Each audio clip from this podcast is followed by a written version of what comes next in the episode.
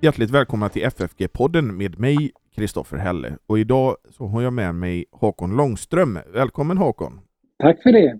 Men innan vi drar igång vårt samtal så vill jag påminna om att man kan ge ett bidrag till den här poddens och församlingsfakultetens arbete på Swish. Numret är 123 100 8457.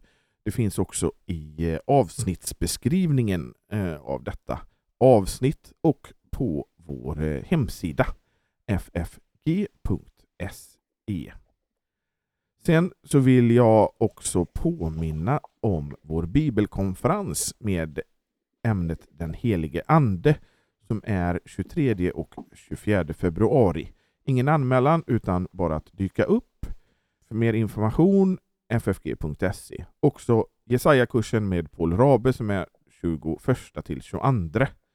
Och det är anmälan på den info.ffg.se.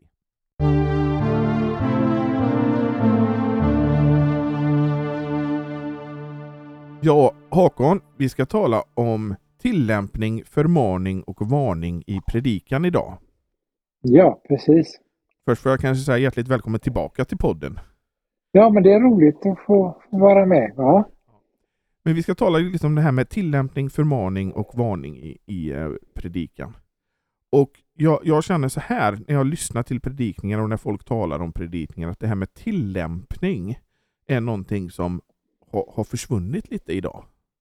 Ja, tyvärr. Alltså, och vilket jag menar är en omistlig del. Och eh, när, när omistliga saker försvinner, då, då är det allvarligt. Ja. Kan vi kanske förklara för de som inte vet vad menas med att man har en tillämpning i predikan? Ja, det är, om vi, tänk, om vi går, eh, tar ett bibliskt exempel eh, så kan vi ta när Johannes döparen eh, är där vid Jordan och predikar. Och så säger de som lyssnar, vad ska, de blir berörda av hans förkunnelse och så säger de, vad ska vi göra? Och då kommer han med väldigt handfasta råd om, om skjortor och allt vad det nu är för någonting. Och, och, vad de inte ska göra också. Och det är ju en tillämpning av hans förkunnelse. Nu är det väl sällan så, så drastiskt men, men eh, det är ändå så att man ska få svar på frågan. Jaha, nu har du sagt det men, men vad ska jag göra? Eh, eh, och hur ska jag ta emot det här. Och, och då, I den gammalkyrkliga predikan så bruk, brukade den komma sist. Eh, och den brukar vara tredelad. Eh, man har ju för sig att gammalkyrkliga predikningar ska ha tre delar. Det har de ofta men de kan också ha två delar med underdelar och allt sånt där. Jag tror vi pratar om det en annan gång. Eh, men det här var ju då att man inte drar alla över en kam, att alla plötsligt en söndag är omvända nästa söndag är alla oomvända och så vidare.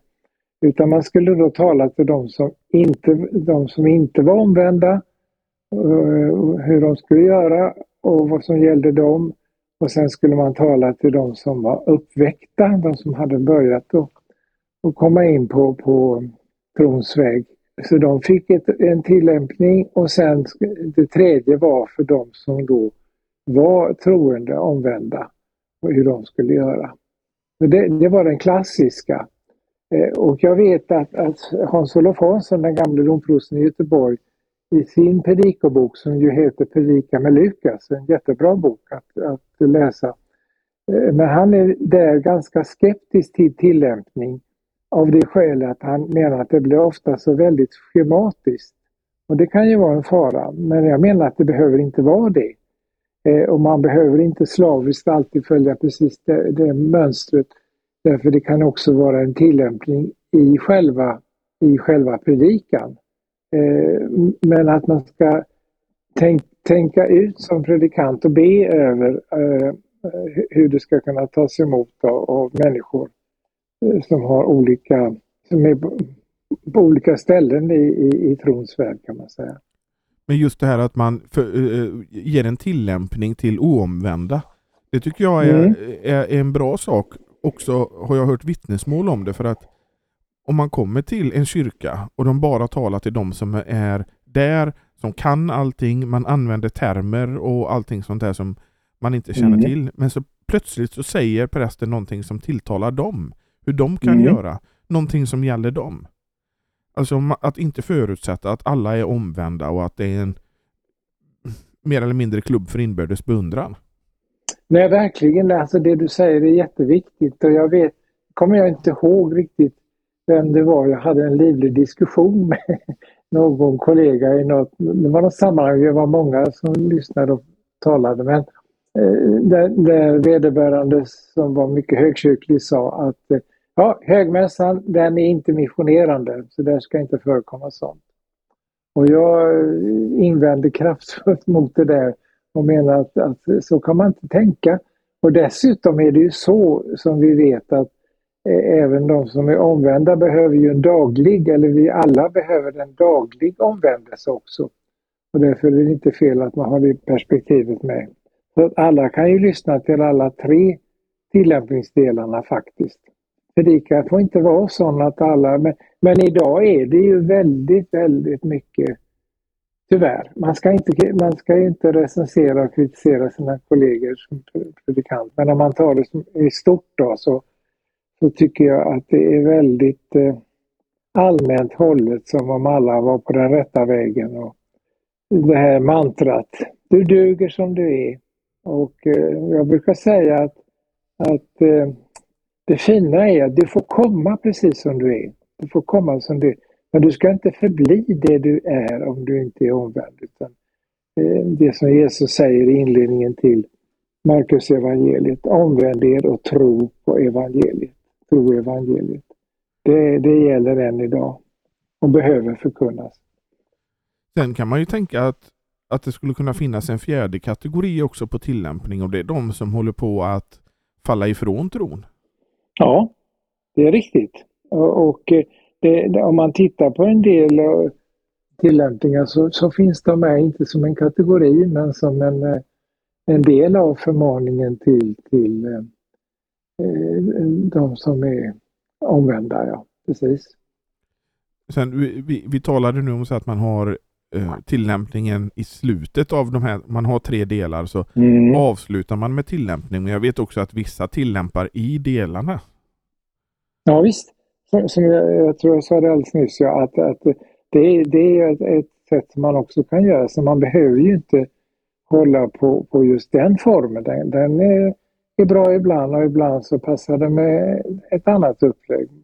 Men bara att saken finns med, det är det som är det viktiga egentligen. Och jag tänker att, att egentligen så hänger det här ihop med bön. Eh, och det är ju också en sak som man har sagt, eh, jag vet inte om man gör det fortfarande faktiskt, men när jag gick på pastoralinstitutet för drygt 30 år sedan så, så eh, fick man lära sig det att det, det fulaste som fanns i, i gudstjänst, det var predikstolsliturgi. Och vad är det, sa jag. Jo, det är att man inleder predikan med en bön och man avslutar med en bön. Och det ska inte förekomma, utan man börjar direkt med första meningen i predikan och så slutar man bara. Ja. Och det har jag aldrig lytt, för jag tycker det är fint att få börja med en bön och det finns ju många sådana som vi vet används. Men jag skrev faktiskt för många år sedan en också, eh, som, om jag får be den här, Hjälp oss Gud, ditt ord så höra, att vi får din vilja se, vad du vill att vi ska göra, vad du vill i nåd oss ge. Hjälp oss troget med varandra, som du vill till himlen vandra. Och, och det, det blir liksom en, en, en inledning på predikan som, som är i böneform då.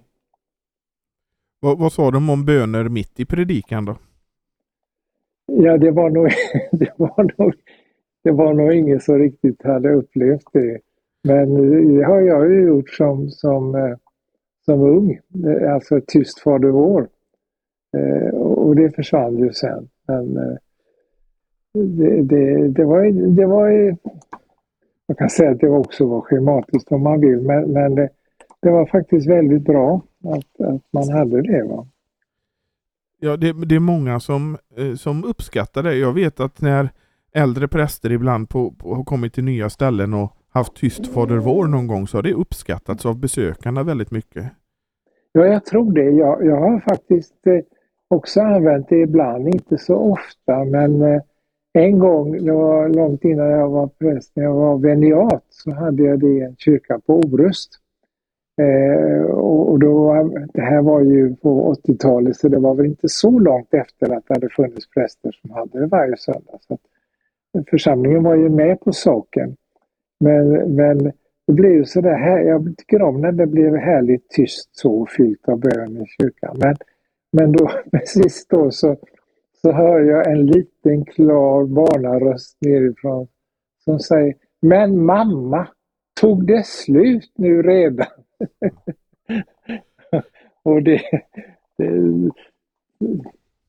mm, så kan, kan det ju naturligtvis upplevas om man inte vet vad det, varför det är till. Va? Men sen finns det ju en jättefin bön som fanns i 42 års kyrkohandbok.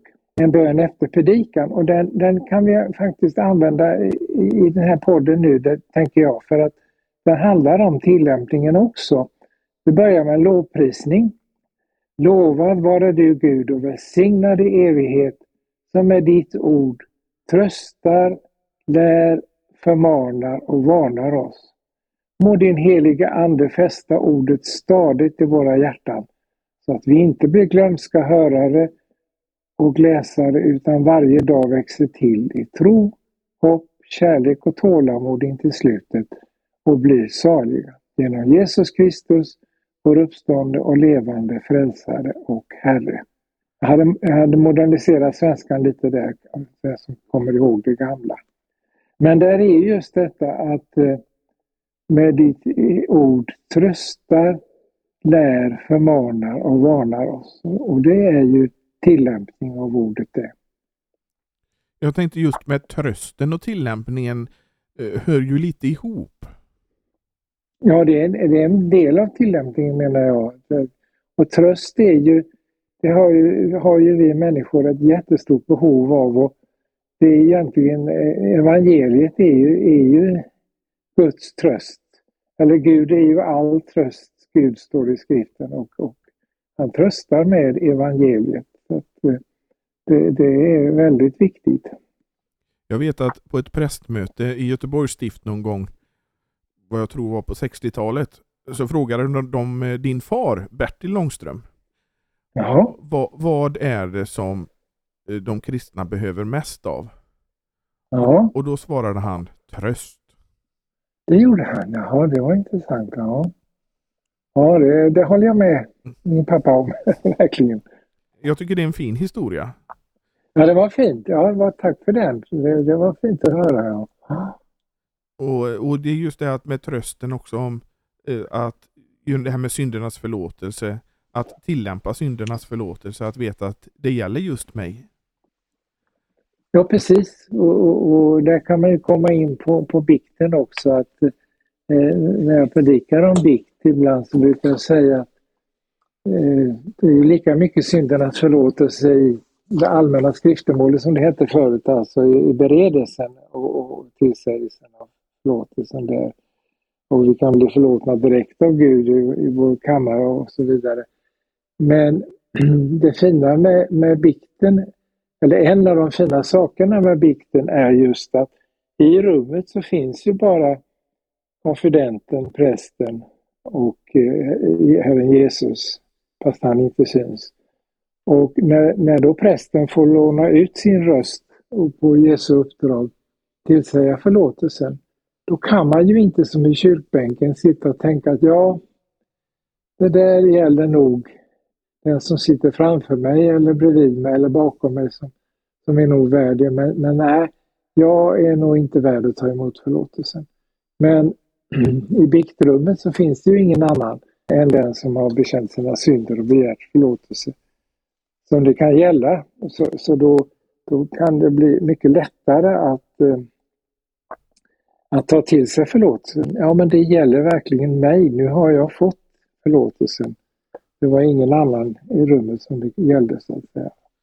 Men um, de gammalkyrkliga här på västkusten, de brukar säga att bikten var till för de som hade svårt att tro syndernas förlåtelse.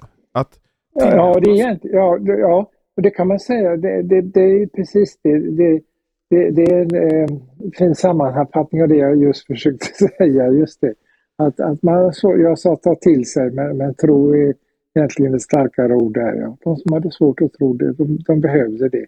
Eller de behöver det än idag. Där, därför är det är ju tråkigt att det förekommer så lite bikt faktiskt. Men det kan man, man kan eh, bidra till att sprida budskapet om det i, i, i förkunnelse och i andra sammanhang också. Och eh, nu är det länge sedan, men en viss tid här i Stockholm så kom folk till mig och sa du Håkan, eh, katolikerna de har något jättefint, de har en riktig skatt. Ser du. Jaha, vad är det då, sa man nyfiket då. Jo, de har bikt och det har ju inte vi. Och då fick man ju undervisa eh, där att vi har precis lika mycket bikt, men vi har inte som katolikerna ett bikttvång, utan det är frivilligt. Eh, men det är precis samma bikt alltså, som katolikerna har. Oj då, så fick man höra då. Och bikt, våran lutherska bikt är ju inte villkorad på det sättet att man behöver göra någonting, be ett antal böner eller eh, någonting sånt, pilgrimsvandra till någon kyrka eller så. Nej, inte på det sättet, men, men det är väl en sak som vi, jag tror att vi har missat lite rent religiöst trospedagogiskt eller vad vi ska kalla det. Nämligen att, att det kan vara väldigt bra, det beror ju på eh, Eh, sammanhanget och personen och allt vad det nu är. Men det kan vara väldigt bra att kunna säga till någon att förlåten är du, det är färdigt och klart i och med detta. Men, men eh, om du kan göra det och det eller om du kan läsa det och det eller be det och det så, så är, kan det vara en hjälp för dig. Eh, alltså det är någon, något konkret att göra också. Men, men man får inte blanda ihop det som man tror att det, var, det är ett villkor för att få förlåtelsen. Att, och det tror jag egentligen inte katolikerna tänker så, men det framställs ju ofta så att ja, ja, då går man till en katolsk präst och så säger han läs hundra av Maria så får du förlåtelse. Det tror jag inte alls att de gör utan det är, en, eh, det är ett råd efteråt så att säga som, eh, som jag har fattat det. Ja, ja nej, jag, jag, jag, kan inte svara på det, men jag vet ju att de säger att de inte ber till helgon, men sen så riktar de ändå de facto bönerna till helgon. Ja, och då, där, där är ju det där, det där fenomenet att man menar att så, det är inte, man skiljer på att vörda helgonen och att tillbe dem. Men, men för gemene man är, så undrar jag ofta om inte, om inte det blir en tillbedjan. Det gäller ju ortodoxa kyrkan också. Ja, jo, visst är det så. Men jag menar, eh. de, de kan sälja vykort och de kan sälja sånt med böner direkt riktade till helgon. Så, ja, visst. Ja. Eller som det stod på ett altarbrun i, glömmer aldrig det, i Salzburgs katedral. Länge sedan nu, men eh, då stod det, var ett Mariaaltare, så stod det Maria Hilftin aller nåd. Maria hjälper i all nöd. Det, det är ju att ta ifrån Gud det som Gud gör. Ja. Jag, jag, tycker ju att det är eh, vad ska man säga svårt att villkora, alltså, i den lutherska läran så är det ju att förlåtelsen är ju villkorslös för den som är botfärdig. Ja, precis.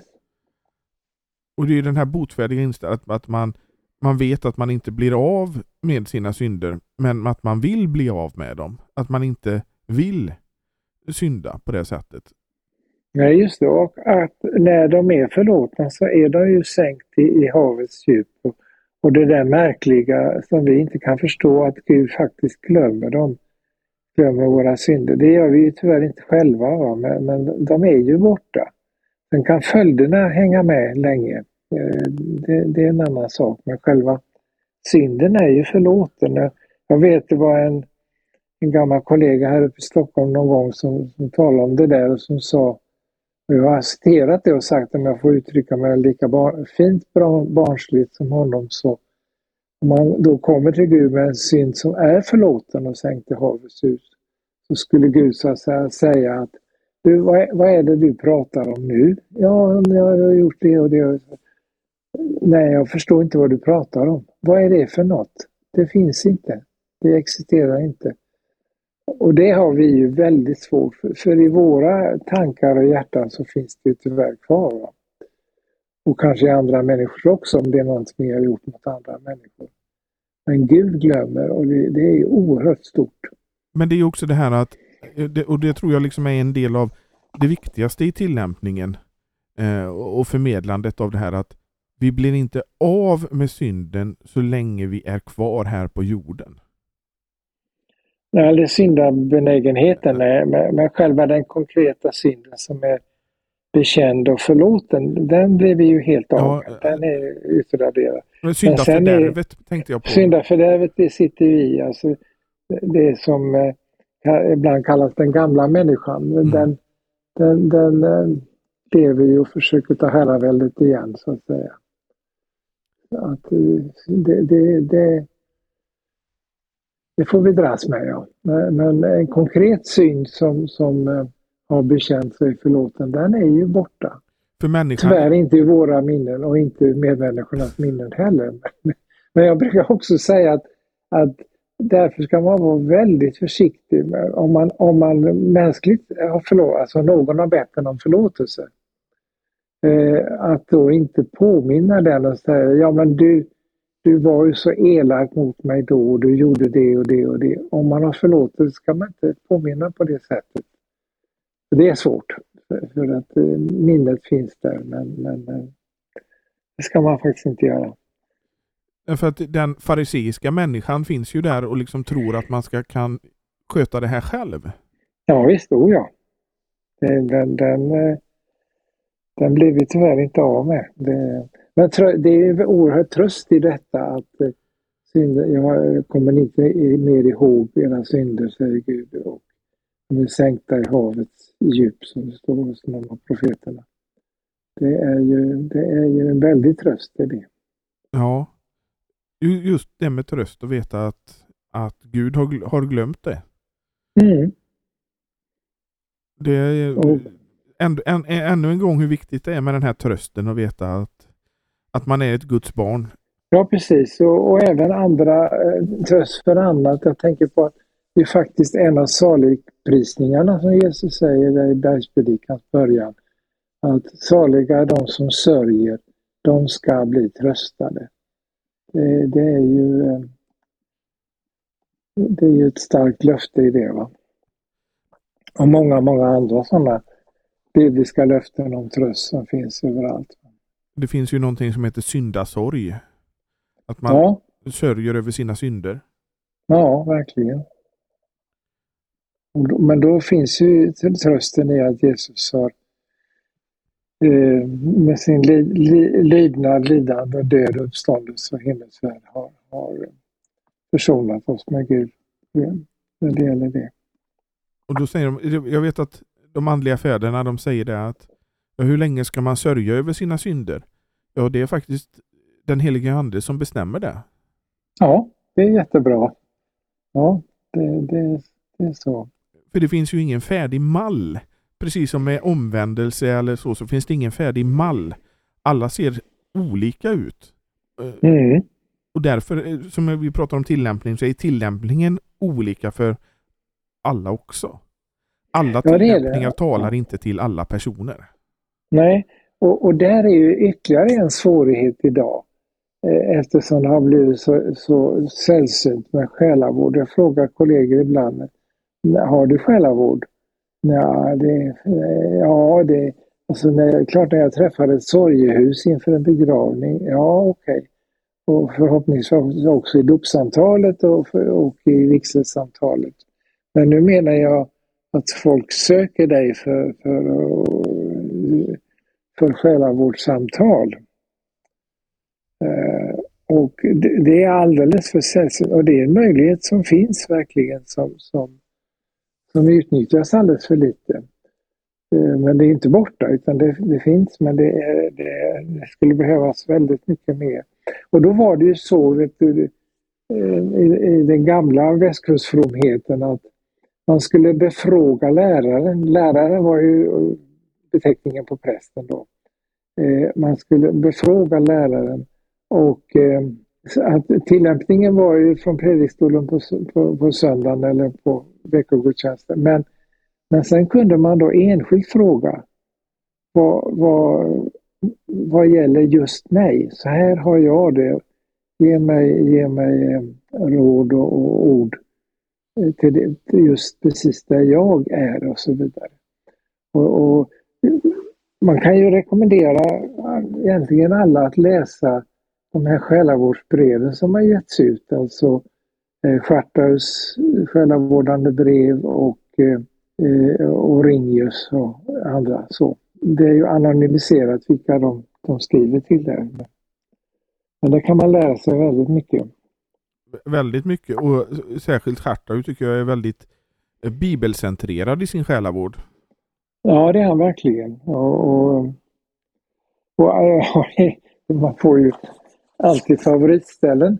Ehm, och ett av dem i Stjärtövs brev det är ju en, en kvinna som, som skriver till Stjärtö, för hon är så orolig för att hon inte riktigt har kläm på var i nådens ordning? Hon har uppfattat den så väldigt schematisk. Ehm, eh så, att, så att hon frågar, ja, men, var är jag i det och hur är det och så där. Då skriver Schartaus så, så väldigt fint, nu citerar jag fritt, eh, man kan ju slå upp det, eh, att eh, det får vara nog för, för er, eller hur han nu... Mamsell.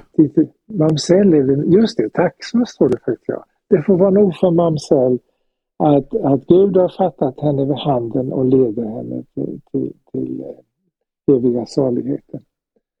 Och det tycker jag är så bra. så då kan hon släppa hela schemat. Jag är mycket för nådens ordning, det vet väl alla. Men, men, men det är inte meningen att folk ska bli så oroliga och hålla på och leta i scheman och fundera på vad de är och allt sånt där så väldigt mycket så att det blir det stör, det stör dem eller det blir problem för dem. Det är inte avsikten med det. Men då tycker jag man kan säga också att hela, du är i hela nådens ordning hela tiden. Ja, och, eh, och, och, det är bara att säga en rubrik på det, daglig omvändelse. Jaha, då måste man ju så att säga tänka sig att nådens ordning finns. Mm. Även, även till exempel kallelse? Ja, man blir kallad på nytt för, för man, man kanske tappar bort den eller man kanske tvivlar på sin kallelse eller, eller, eller ja, får för sig att det gäller inte mig och sånt där. Och då behöver man få den igen. Och man behöver upplysningen genom lagen och man behöver upplysningen genom evangeliet. Och, och det behöver... får man ju i sin dagliga skriftläsning också. Ja, båda delarna. Nådens ordning är ju inte engångstillfällen. Nej, alltså det är, det är också naturligtvis en beskrivning av uh, den, vad är det de kallar den första omvändelsen eller något sånt där. Ja. Men det är också, precis som du säger, en daglig process. Va? Man kanske kan göra en, en liten jämförelse där att folk som är oroliga över eh, om de har begått synd mot den helige ande har mm. antagligen inte gjort det eftersom oron finns där. Nej, så tror jag också att det är. Det, det, det, det är det är liksom så... Det går inte ihop kan man väl säga. Att, att, är man orolig för det då har man nog inte syndat. Eh, I alla fall inte just mot den synden i den formen som, som ju folk är rädda för att den inte kan förlåtas och så vidare. Så är det väl med nådens ordning också om du oroar dig mm. var du är någonstans. Mm. Ja men då, då är det, då är det, det, det var säkert det som Fartar uppfattade då att nej, det får vara nog. Gud har fattat henne vid handen och leder henne. Det, that's enough. Ja. En annan sak jag tänker med det här med tillämpning. Det är mm. att idag är att folk känner att de, eh, de kanske inte har, präster och predikanter inte har rätt att säga till andra vad de ska göra. Alltså eh, för, förmana och tillämpa. Mm. Och eh, alla, vi ska komma till varning också för det är ännu värre. det tycker folk. Det har de inte rätt. Nej, och, och eh, eh, det, det, det, och det är också konstigt för det, för det är ju eh, det är ju predikantens uppgift att göra det här och, och eh, jag kommer ihåg efter en predikan här i, ja det var här i Åkersberga kyrka faktiskt, så kom det fram en, en, en yngre kollega och sa Ja men det är så härligt det vore om man kunde få predika så och säga som det är och inte bara ställa öppna frågor hela tiden. Ja, sa jag, det där får vi prata om för, för att eh, det, det, det, är din uppgift precis lika mycket som min. Ja, men man kan ju inte veta och man kan... Jo, vi, vi, vi står ju här för, för att vi har kyrkans uppdrag att, att förkunna ordet och det finns, vi har bekännelseskrifterna, vi har Bibeln framför allt. Det är något fast, det kan vi förkunna. Ja, Bibeln gör ju ett sanningsanspråk. Ja, ett, ja men med stort S verkligen, ja. Men det är ju det att, att man vill inte säga till andra hur de ska göra utan man slänger sig med var och en blir salig på sin tro och, och sådana här mm, mm. floskler. Ja. Och, och, det stämmer ju inte.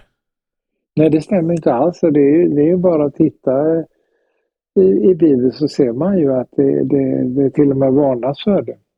Ska vi komma in lite på varning också? Ja, det kan vi göra. Och, ja, och då, då är det ju så att eh, det är ganska märkligt att man är så rädd för att varna i predikan.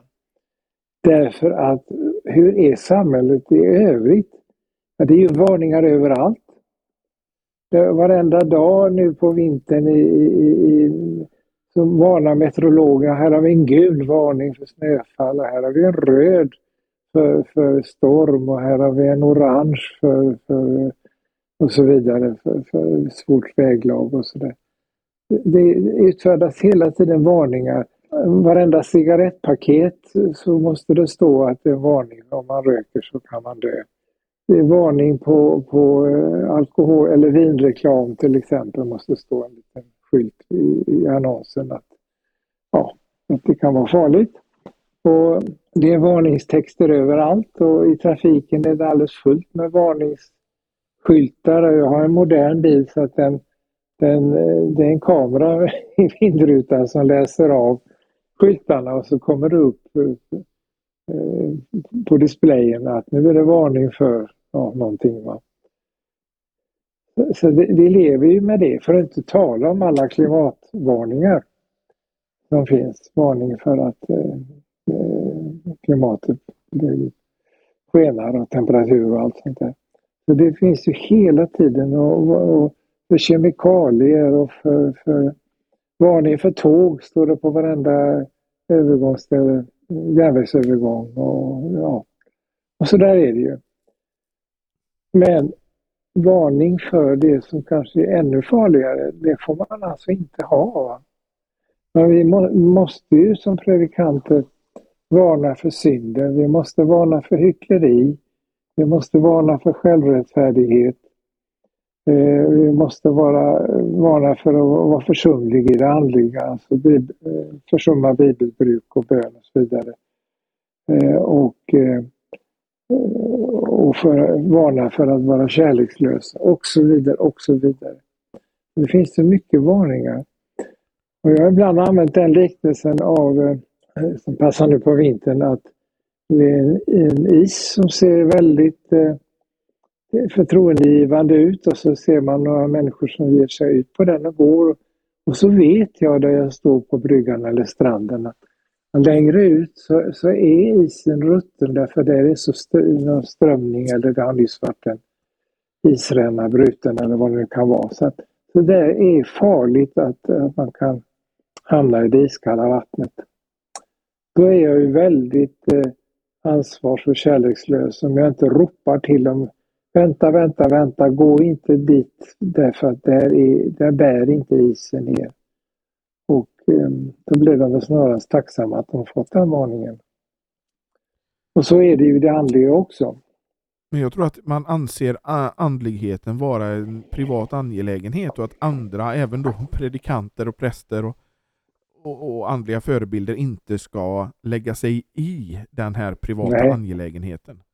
Jag, jag tror dessvärre att du har helt rätt i det. Att, att det, det är någon slags eh, konstig eh,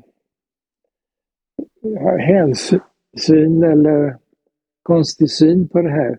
För det skulle man ju säga då att ja men då tar vi bort alla varningstexter på, på kemikalier eller på, på eh, cigarettpaket eller, eller eh, varningsskyltar i trafiken för att nej, vi ska inte ha pekpinnar till folk alltså, utan, utan här får de eh, det får de räkna ut själva om det är farligt eller inte och göra egna erfarenheter och sådär.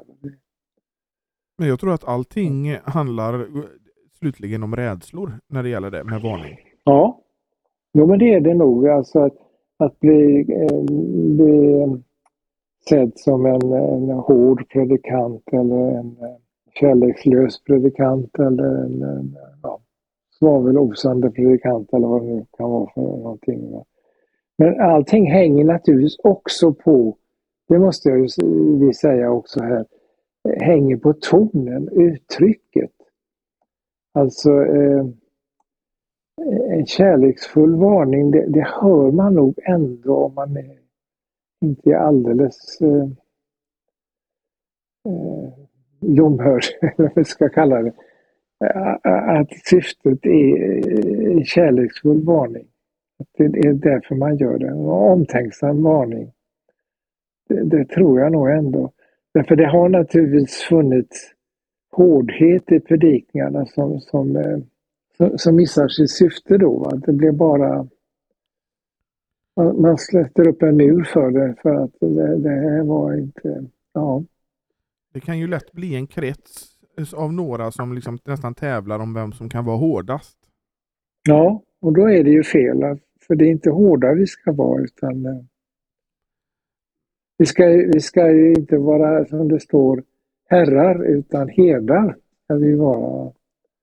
Och eh, en herde är ju en som vårdar fåren och som fåren känner dess röst och, och sådär. Så att, eh, men, men herden kan ju varna för att eh, fåren är på väg mot ett stup eller men om man Kom tänker, tillbaka hit för där borta kommer vargen eller ja, så. Men man gör en jämförelse med de här mest extrema klimat, klimataktivisterna idag till exempel. Jag läste bara igår tror jag att de hade försökt att vandalisera Mona Lisa i, i Louvren i Paris. Och de, ja. de gör väldigt irrationella saker eh, och det är mycket domedag att det, världen kommer gå under. De är jätterädda. Mm. Och samma ja, sak gäller ju med vissa som hör till exempel om man är rädd för det eviga straffet och man hör det, bara en mening mm. om det, så triggar mm. det igång en sådan rädsla. Ja just det, och det kan ju i något enstaka fall kanske också drabba en predikant att den är så rädd för att den inte har varnat eh, lyssnarna, för, åhörarna för, för någonting så att den liksom, det blir en hårdhet bara för... den är så rädd att jag, har, tänk om jag inte har varnat och då får jag stå till svars för det på yttersta dagen. Jag varnade ju inte dem. Och det är ju allvarligt och det är en riktig tanke men den, tanken är ju att det, det, ska ju leda till att man varnar på ett kärleksfullt och omtänksamt sätt. Men, men, inte till att man blir så rädd så att det blir en, en, en hård varning, så att säga. En, en hårdhet som stöter bort och som gör att det inte går in ordet.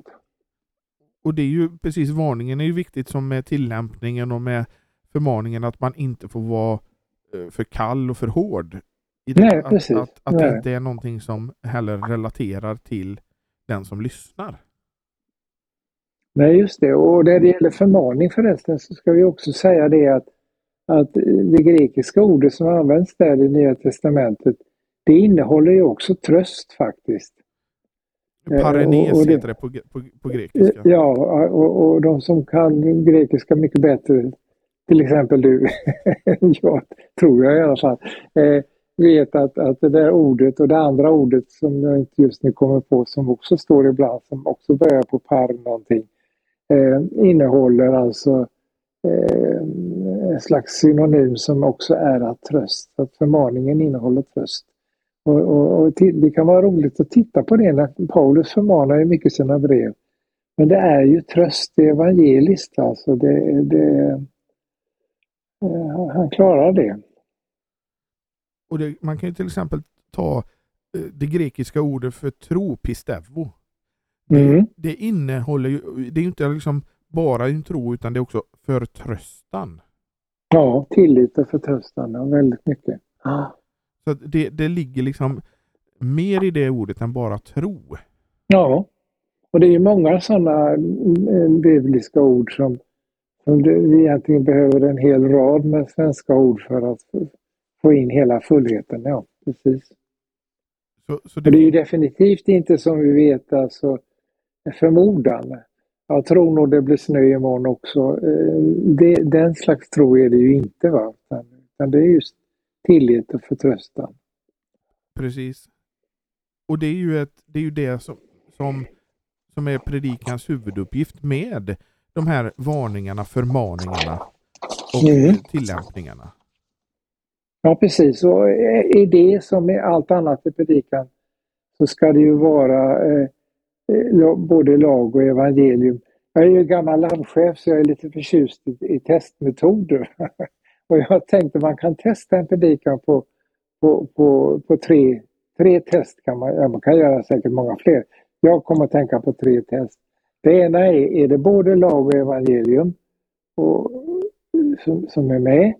Och det andra är, är det trinitariskt, det vill säga är det alla tre gudomspersonerna. Handlar om Gud Fader, handlar om Herren Jesus Kristus, vår frälsare, och handlar om den heliga Ande, eh, tröstaren. Eh, det, det kan man så att säga checka av. Och sen kan man faktiskt använda den här, den här gamla bönen efter predikan och sätta en liten checkruta bakom där och tänka så här. Alltså, var, var, det, var det eh, tröst? Ja, okej. Okay. Bockar vi av det. Fanns det läran där? Fanns lärdomen där? Läran där? Ja, kan vi bocka av det. Fanns det, fick jag förmaning? Eh, var det förmaning där? Ja, kan man bocka av det. Och fanns det varning? Ja, bocka av det. Och, och, och får man en, en bock i alla rutor så är det väldigt fullödigt. Det får man nog inte i alla predikningar. Det, det, är nog svårt att få till, men i alla fall, man kan ha det som, som en test. Och, men då ska det vara en objektiv test. Det vill säga man ska försöka tänka, var det det, var det det, var det det? Och inte upplevde jag att, att jag fick lära mig någonting. Kände jag mig tröstad? Kände jag mig förmanad? Blev jag eh, varnad för någonting särskilt? Därför det är ju någonting annat. Det, där beror det ju på testpersonen också, hur, hur öppen den är och hur mottaglig och så vidare. Och, så där. Och, och alla kanske inte får allt i alla predikningar förstås. Men om man försöker vara objektiv så kan man faktiskt testa predikningar där. Ja. Och om man får en bock i alla de här rutorna då är det ju väldigt fullödigt. Och jag är rädd att om man skulle titta på gamla predikningar så blir det kanske inte så fullödigt som det borde vara. Det, så kan det vara. Men man kan ju börja nu. Talar, nu talar jag bara om mina egna predikningar, inte andra. Men man kan ju börja nu istället och inte titta bakåt. Ja, visst. Och jag, jag försöker göra den här testen när jag har skrivit något faktiskt. Ja.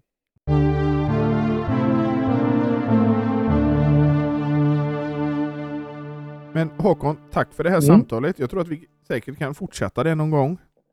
Kan vi säkert, ja det finns ju mycket att säga om detta men det, det var värdefullt att få, få byta tankar om det här så att eh, vi får önska alla lyssnare allt gott och Guds välsignelse.